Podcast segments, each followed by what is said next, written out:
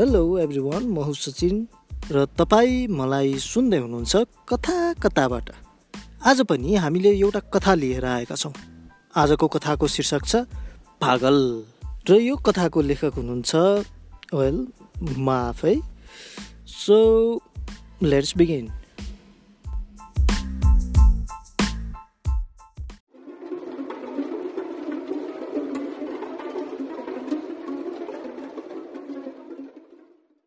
हिजो बेलुकी बडो अचम्मको घटना देखियो। सडकमा एक हुल मानिसहरू खुकुरी र हँसिया लिएर एघार बाह्र वर्षकी एउटै सानी पुच्चीलाई लहटिरहेका थिए।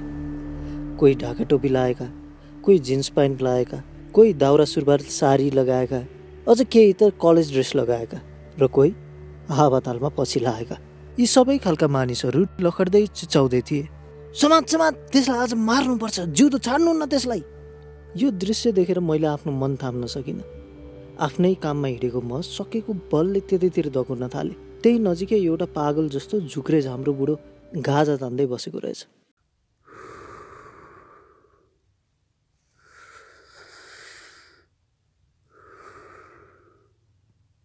म त्यसको छेउमा रोकिएर सुहाँ सुहाँ गर्दै सोधेँ। दाइ किन लहटेका तँ बहिनीलाई त्यसरी? बुढोले मलाई पुलुक्क हेरेर चुच्चो स्वरमा भन्यो। थाहा छैन? त्यो केटीले निकै बदमासी अरे। भनेको पनि मानिन रे। त्यसैले त्यसलाई मार्न भन्ने लखट्या त्यो बुढोको जवाफले त झन् मलाई मूर्ति नै बनाइदियो।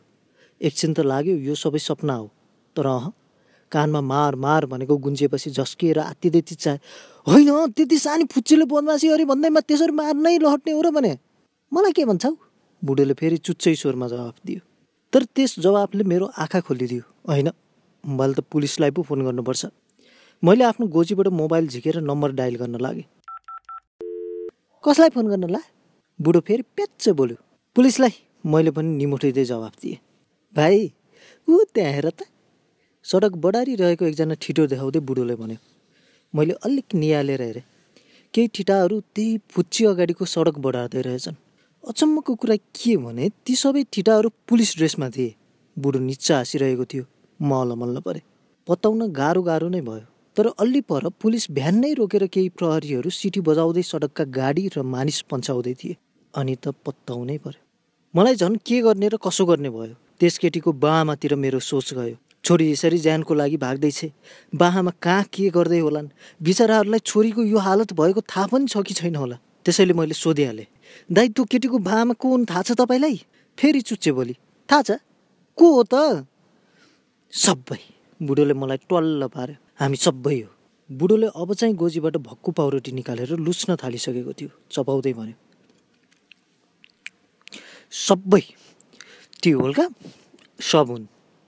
हुल बाहिरका नि सब हुन्। म पनि हौ तिमी पनि हौ। अनि मतिर भक्कु तेर्साउँदै भन्यो बुझौ तिम्रै छोरी हो त? ए म नि कस्तो पागलसँग कुरा गर्न पुगेछु मनमा नै सोचेँ। कुरो गर्नलाई राम्रो मान्छे नछानेकोमा मलाई बडो अफसोस लाग्यो। बुढोको लुगा फाटा र बानीले नै चिच्चाइ चिच्चाइ पागल पागल भनेको नसुनी कुरा गर्न थाल्ने म नि मूर्खै हुँ भन्ने लाग्यो। र अब चाहिँ समय बर्बाद गर्न हुन्न है भन्ने मनाशयले मैले यताउति कोही सधैँ मानिसको खोजीमा नजर डोलाउन थालेँ। तर अह कोही भेटिएन। मलाई फेरि त्यही पागल बुढोलाई नै प्रश्न सोध्न कर लाग्यो।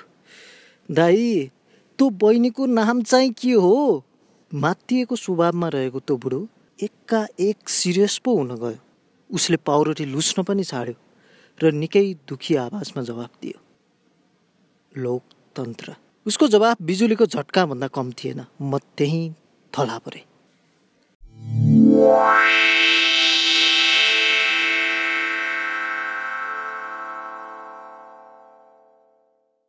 धेरै बेरको मौनतापछि मैले बल गरेर भने दाई हामीले केही गर्नुपर्छ त्यो सानी फुच्चीलाई जोगाउनै पर्छ। त्यो सानी फुच्चीमा त थुरोको पो रगत बगिरहेको छ। तिनलाई मार्नु भनेको त ती सबलाई मार्नु हो। हामीले ती कुकुरी पोकेका मानिसलाई सम्झाउनु पो पर्छ दाई। हेर्नुहोस् त यसरी गाजा खाएर बसेर नि हुन्छ कहीँ? तिमीलाई लाग्छ मैले कोसिस नै गरिनँ भाइ बुढो झर्किन थाल्यो। मैले कोसिस नै गरिनँ। लाख कोसिस गरेको हुँ मैले नि ती भेडाहरूलाई सम्झाउन। तर के गर्ने? उल्टो मेरो यो हालत म गहिरो सोचमा परेँ। सुन्यौ झस्काउँदै फेरि भन्यो बौला भन्छन् मलाई तिनीहरू। म बौला रे। पागल रे त। पागल! आज पनि सुन्छु कहीँ कुनै सडकमा लखेटी नै रहेका छन् रे ती सानी पुच्चेलाई चिच्चाइ नै रहेका छन् रे काट काट र मार मार भन्दै।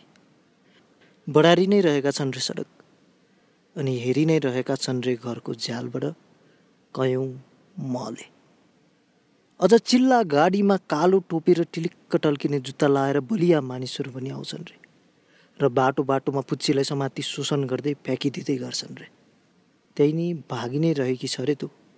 आमा आमा भन्दै चिच्चाउँदै तर आखिर कतिन जेल पो भाग्न सक्ली?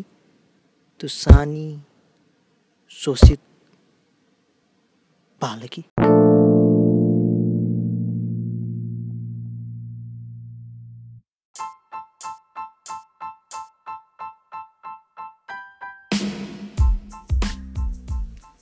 यो थियो हाम्रो आजको कथा पागल। अर्को हप्ता हामी फेरि नयाँ कथा लिएर आउने नै छौँ कथा कताबाट so bye bye for now अर्को हप्ता फेरि भेटौँला।